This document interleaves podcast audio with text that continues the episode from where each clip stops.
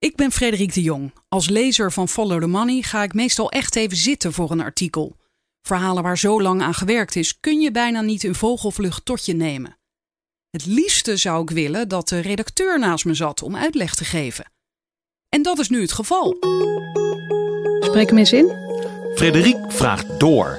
De podcast van Follow the Money. I know you're gonna dig this. Siem Eikelenboom, je artikel staat online. Waar gaat het over? Het gaat over een uh, topfiscalist. Iemand die werkt bij Lawyers Loef. Dat is een heel groot advocaten- en fiscalistenkantoor. De man wordt gevraagd om bestuurder te worden bij een aantal goede doelen in het Brabantse. En het Openbaar Ministerie verdenkt deze man ervan dat hij uh, miljoenen achterover heeft gedrukt via een hele slimme constructie. Daar komt het in een notendop op neer. En dit is een van je eerste verhalen voor Follow the Money, want Ja. je komt van het Financiële Dagblad. Hoe bevalt het? Ontzettend leuk. Ja, het is een hele leuke. eh, het is een jonge club voornamelijk. Er zitten heel veel jonge mensen bij. Maar die allemaal wel ontzettend eh, ja, zin hebben om goede verhalen te maken. Om goed onderzoek te doen. En dat eh, ja, trekt me enorm aan, moet ik zeggen. Is er een groot verschil met het FD? Ja, het is veel informeler. En voor de spirit is er gewoon veel meer. Proberen goede verhalen te maken. Niet bang zijn voor advocaten. Het is meer de diepte ingaan. Ik vind wel een, qua sfeer wel een heel verschil, ja. En ben jij daar dan nu de eminence grise? Ik ben de op één na oudste. En ja, je mag me wel eminence noemen. Dat vind ik wel leuk. Goed, dan doe ik dat. Ik ga je artikel lezen en dan eh, kom ik zo bij je terug. De titel is De val van een topfiscalist. Loyens en Loef, een van de grootste advocaten- en fiscalistenkantoren van Nederland, verdiende vele miljoenen met dienstverlening aan een aantal goede doelen. Maar toen eerst de Belastingdienst vragen begon te stellen en later de opsporingsdienst FIOD een strafrechtelijk onderzoek startte, moest de betrokken topfiscalist vertrekken en betaalde Loyens en Loef 10 miljoen euro terug aan die goede doelen. Deze kwestie roept vragen op over de gang van zaken binnen het kantoor. De rechtbank Den Bosch begint september. De houten banken van een zaal van de meervoudige kamer zijn goed bezet. Aan de muren hangen enkele abstracte foto's. Achter de rechters een met plastic scherm bedekte foto van de koning.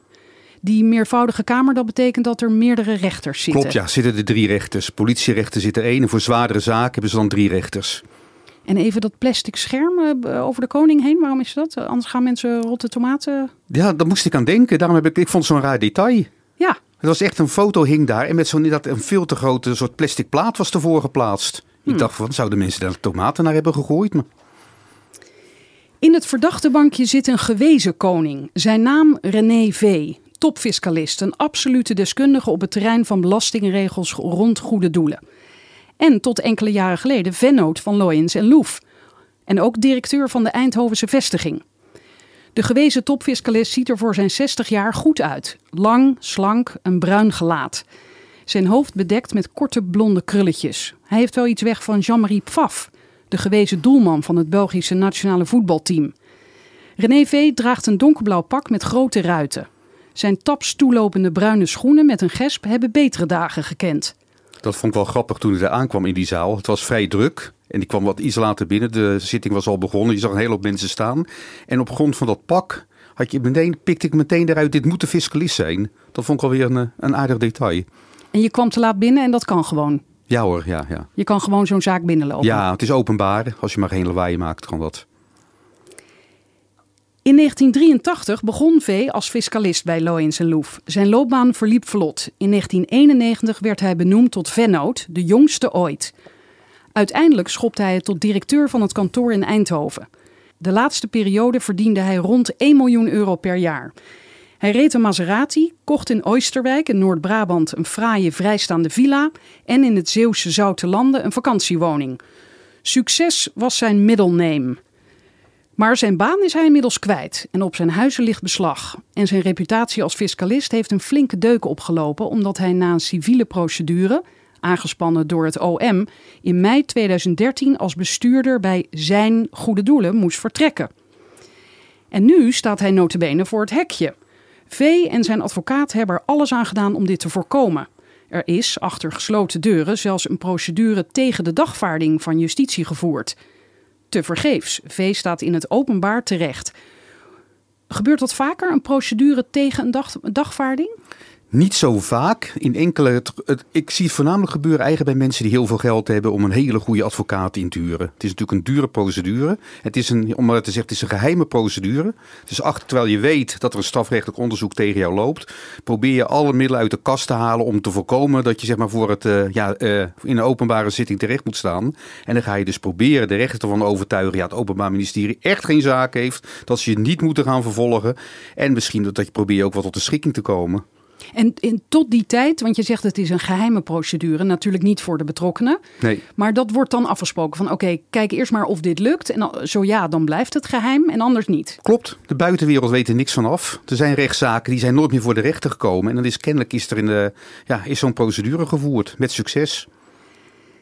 Ja, en hier dus niet, want jij Ja. schrijft te vergeefs. V staat in het openbaar terecht. Tussen 2008 en 2012 zou hij bij vier goede doelen vele miljoenen hebben verduisterd. V ontkent alles. Alle partijen hebben de kwestie jaren buiten de publiciteit weten te houden. Ook de goede doelen en Loens en Loef hebben de kwestie verzwegen. Maar in april 2017, vier jaar na het gedwongen vertrek van hun vennoot, kwam de zaak via het Financiële Dagblad toch naar buiten. Ja, daar zit een eh, streepje onder, daar kan je op doorklikken. Was dat toen ook jouw verhaal? Ja, klopt. Ja. Dus je hebt dit verhaal eigenlijk meegenomen van Ja, het FD. Het heb vervolg het nu- gevolgd, klopt, ja, ja, ja, ja. ja. Oké.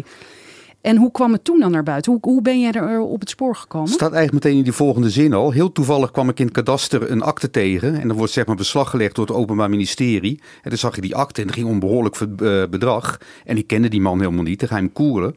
En dan blijkt dat een fiscalist van Loyers en Loef te zijn. Ja, dan word je natuurlijk als journalist wel ontzettend nieuwsgierig wat hier aan de hand is. Gebeurt niet zeg maar dagelijks of zelfs niet wekelijks. Zelfs niet jaarlijks. Dat het Openbaar Ministerie beslag gaat leggen op eh, de bezitting van een fiscalist of van een advocaat. Ja, maar Nou, jij, jij zegt het toevallig. Maar zit jij de hele dagen in het kadaster gewoon maar te lezen?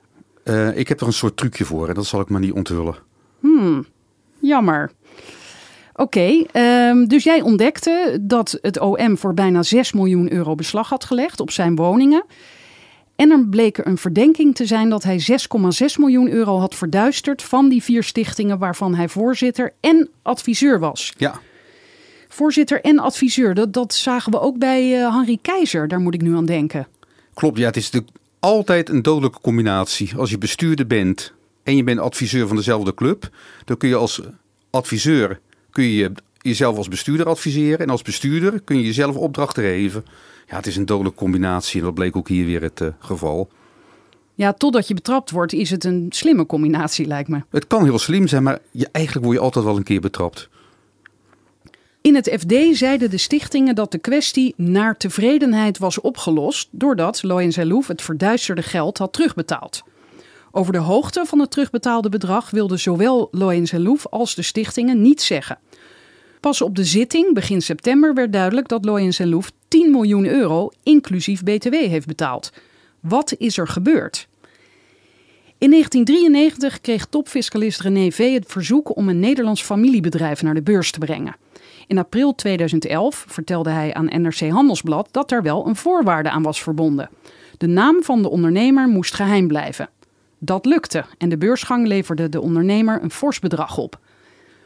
Kort daarna werd René V. benaderd door twee dames van wie er één familie was van die ondernemer. De vrouwen beschikten over een vermogen van honderden miljoenen euro's. Een deel daarvan, ruim 200 miljoen, wilden ze aan goede doelen geven. Hiertoe werden vier stichtingen opgericht. Ontwikkelingssamenwerking werd ondergebracht in de stichting Liberty. Voor kunst werden de stichtingen Diorafte en Continuendo Musart E in het leven geroepen. De afgelopen jaren ging geld naar onder andere de Lakenhal in Leiden, Museum Singer in Laren en het Holland Festival. De zorg voor lichamelijke en geestelijke gehandicapten kreeg een plaats in de stichting Dijkverzwaring. Zelf wilden de dames, die nog steeds alle publiciteit mijden, de stichtingen niet besturen. Of V ze niet wilden leiden. Maar de keuze voor V als bestuursvoorzitter pakte verkeerd uit. De eerste signalen dat er iets fout zat kwamen najaar 2011. Op 19 oktober kregen de stichtingen bezoek van leden van het ANBI-team van de Belastingdienst. De stichtingen genoten immers een ANBI-status, een speciale fiscale status waardoor ze minder belasting hoeven te betalen over ontvangen giften. Maar aan die status zijn wel bepaalde voorwaarden verbonden. Zo wordt van bestuurders van goede doelenstichtingen verwacht dat ze zich niet laten betalen. Ze krijgen hooguit onkosten vergoed. Het Ambi-team constateerde echter dat V via Loyens Loef vele uren declareerde tegen een uurtarief dat opliep tot 690 euro. Zo, kassa. Uiteindelijk leidde dit alles in mei 2013 tot de start van een strafrechtelijk onderzoek door de FIOD onder de codenaam Monviso. De fiscale rechercheurs vonden in totaal 186 facturen die door Loyens en Loef bij de vier stichtingen waren ingediend. Bovendien bleek de penningmeester van de stichtingen, de 68-jarige Peter G., ook nog eens 75 facturen namens zijn management BV te hebben gestuurd. De waarde van al die facturen tezamen 8,7 miljoen euro. Kijk, ik zou bijna denken, waarom hield die man zijn baan nog bij Lois en Loef? Hij had daar ook gewoon de baas kunnen zijn en... Of toch? Nee, want ik kreeg natuurlijk betaald als adviseur van en Loef. Als Oh. het hier niet meer met en Loef werkte, was hij natuurlijk ook geen adviseur meer. Nou ja, En- dat, dat weet je niet natuurlijk. Nee, nee. En die dames hadden hem ook ingehuurd vanwege zijn statuur als fiscalist van het Ja, ja. bekende bureau en Loef. Oké. Op de zitting voert Vees advocaat aan dat de fiscalist letterlijk dag in dag uit van ochtends vroeg tot 's avonds laat met die stichtingen bezig was.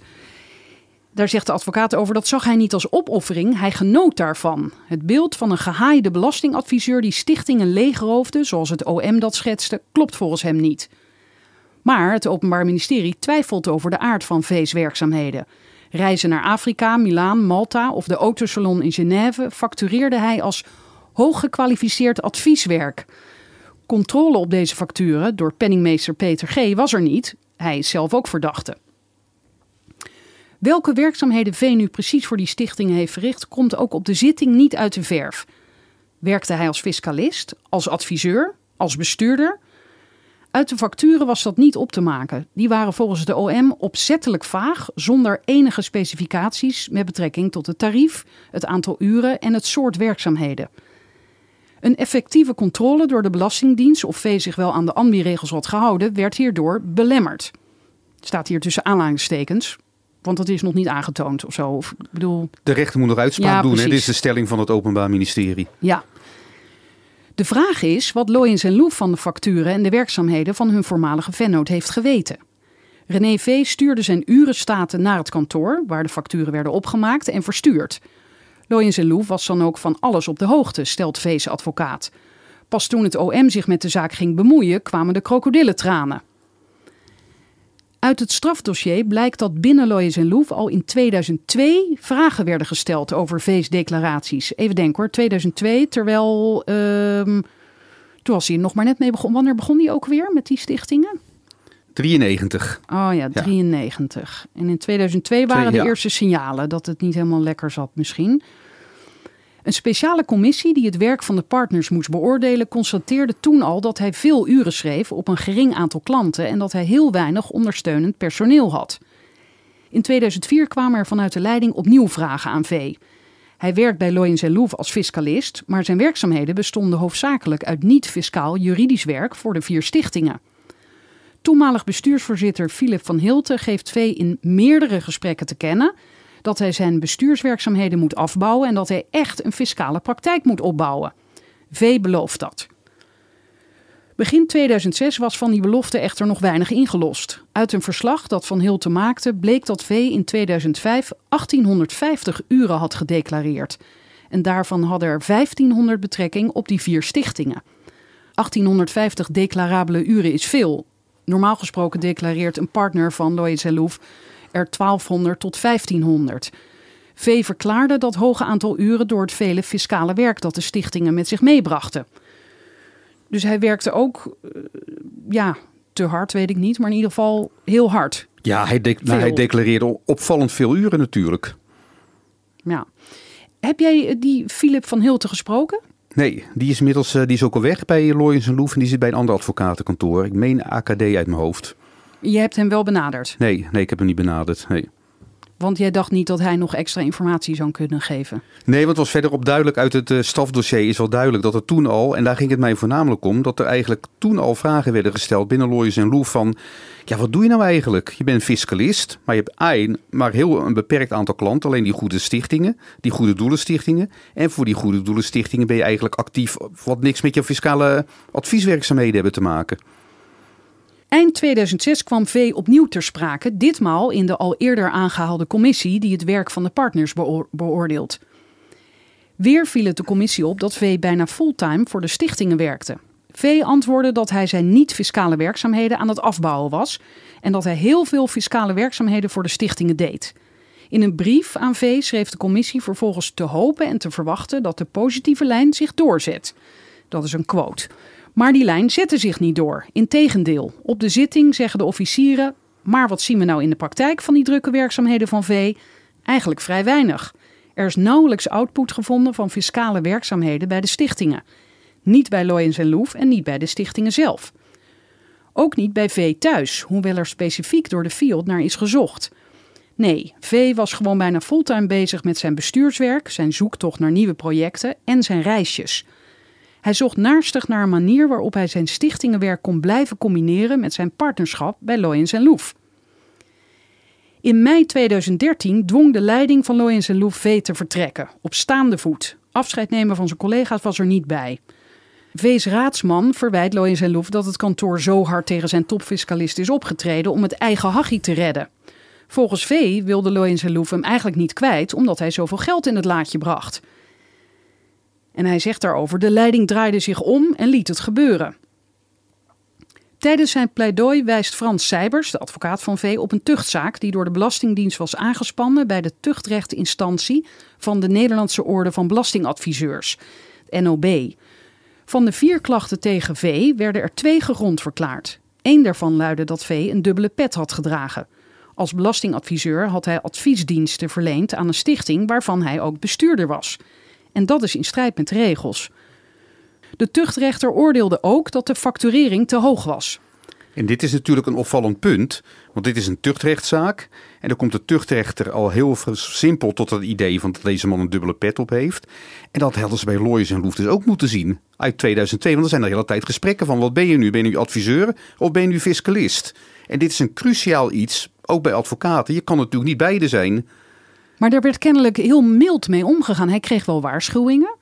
Maar ja, het kan natuurlijk zijn omdat het zoveel geld in het laadje bracht. dat men dacht van nou, als je het langzaam afbouwt, dan komt het wel goed. Dat is de hele crux van deze zaak. Het idee, je kan het natuurlijk niet heel hard stellen. Want Loyers en Loef, ik heb heel veel vragen gesteld naar Loyers en Loef. Echt een uitgebreide e-mail. Ze wilden die vragen niet beantwoorden. Maar het lijkt natuurlijk wel sterk op. Dit was een partner die echt enorm veel declareerde. Heel veel geld in het laadje bracht.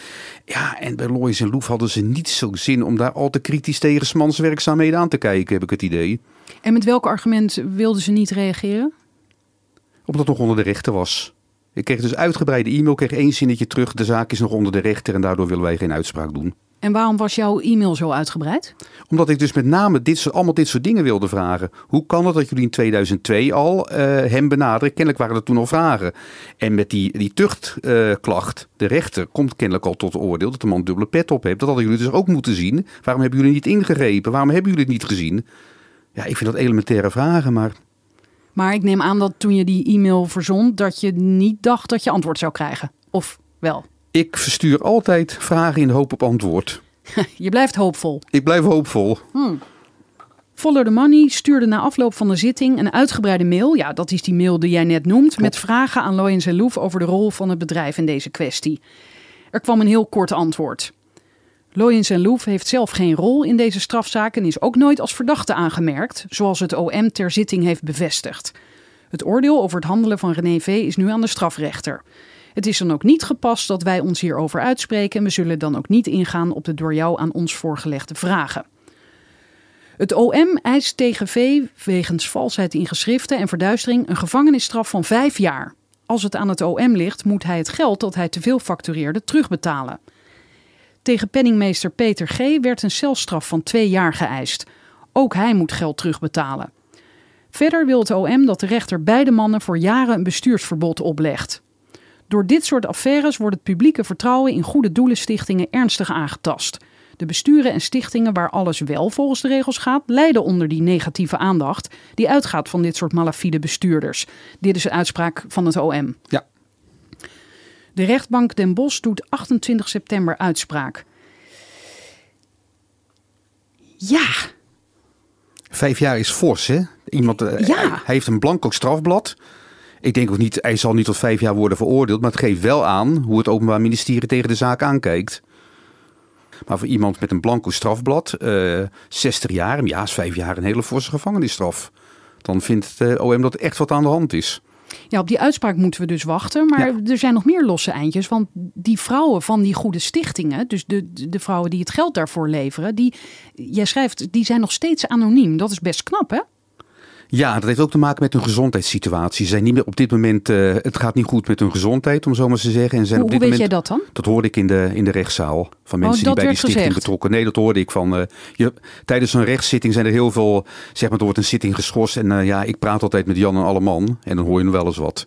Dus dat hoorde ik dat de dames niet meer in staat zijn om te reageren.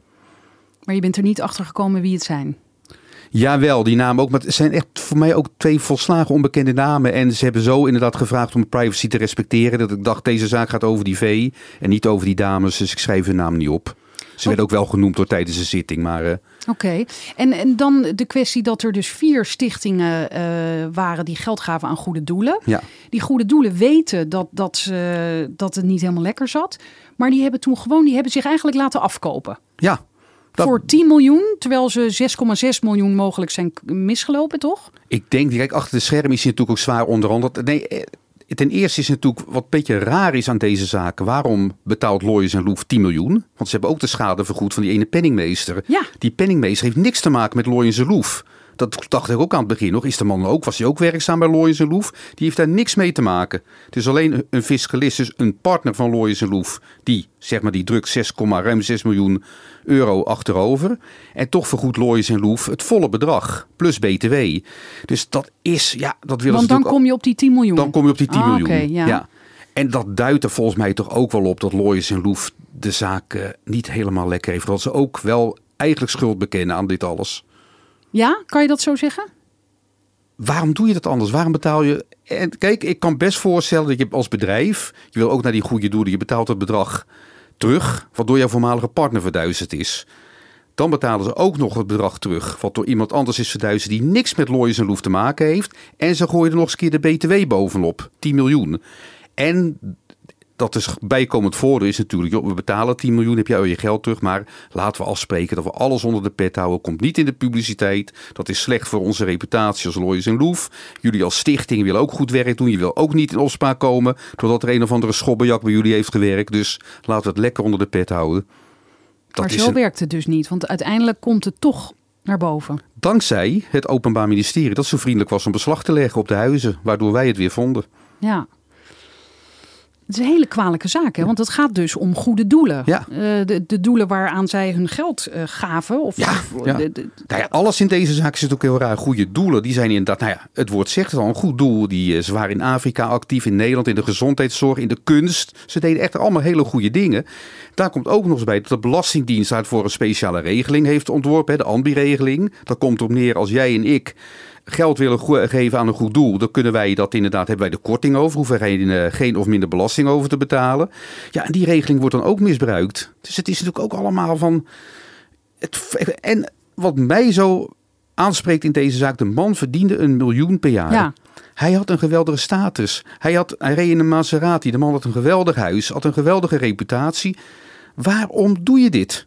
Nou ja, ik vraag me nog af. eh, Zijn kantoor zei dus: je moet nu echt een praktijk eh, als fiscalist gaan opbouwen. Ja, ik zou bijna denken: eh, de- kon hij dat niet of zo? Hij, God bekend, hij stond bekend juist als een deskundige in heel Nederland. Een deskundige op gebied van goede doelen. We zagen ook dat NRC Handelsblad hè, hem in 1993 interviewde. Het was toen, eh, Madonna was toen in opspraak. Omdat het project van haar mislukt was. Toen was hij en nog een andere deskundige werden echt geïnterviewd als deskundige. Over hoe je als rijk iemand nou geld moet besteden aan goede doelen. Oké, dus, dus dat is ook niet de reden. Nee, maar ja, Ja, het is misschien toch gewoon weer heel simpel. eh, veel is nooit genoeg. Je wil, al- reps- mensen ja, willen altijd je meer. nooit genoeg. Ja, Ja. ja, ja, Een ja. gedrag wat je toch opmerkelijk heel veel bij mannen ziet. Op een bepaalde Oh. leeftijd. Op een bepaalde leeftijd ook nog. Oké, daar heb je onderzoek naar gedaan. Dat zie je heel veel in eh, zeg maar fraudezaken. Ja, dat valt mij op. Kijk naar de bouwfraude bijvoorbeeld. Bij allemaal mannen op de ja, er was niemand onder de 50. Veel verdienen, geweldige reputatie. En toch proberen weer slimmer te zijn. Nog meer geld uit het project te trekken. Het is, op een gegeven moment is het denk ik ook een, eh, ik denk een, een soort egootje van... Kijk mij eens lekker slim zijn. Kijk, mij is lekker de boel eh, eh, flessen. En nog even over die goede doelen. Zijn, zijn die, deze stichtingen nou opgeheven of gaat er nog wel steeds geld van die vrouwen naar? Nee, wat ze gedaan hebben, de drie stichtingen, alle vier de stichtingen heten nu Stichting Diorafte. Dus de vier zijn opgegaan in één. Er is een nieuw bestuur gevormd en Oh. er zit nog steeds geld in. En ze gelukkig geven ze nog steeds geld uit aan goede doelen. Oké, du- dus daar is het goed gekomen. Binnenkort is dus de uitspraak, eind september. En september, ja. Enig idee? Ik, ja, het is altijd gokken, maar ik denk dat, die, eh, dat het tot een veroordeling leidt. Wat met name zo'n grote probleem is ook die, die eh, rekeningen. Normaal zet je natuurlijk, en zeker als fiscalist of advocaat, maak je hele gespecificeerde rekeningen. Ik heb dat uur voor die en die gewerkt en ik heb dit en dit en dat gedaan. Ja, die rekeningen zijn er helemaal niet.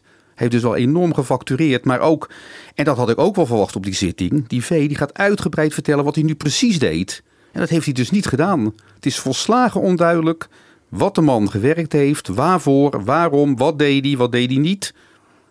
Hey, en dit, je kwam dit verhaal per toeval op het spoor, vertelde je net. Ehm, dus staat dit nu ook op zich voor jou? Ben je alweer bezig met iets heel anders? Of, of zit hier nog meer achter? Nee, ik ben bezig wel met een heel ander verhaal. Maar ik moet zeggen dat wel eh, de grote notaris, advocaten en fiscale kantoren in Nederland wel mijn eh, speciale aandacht hebben.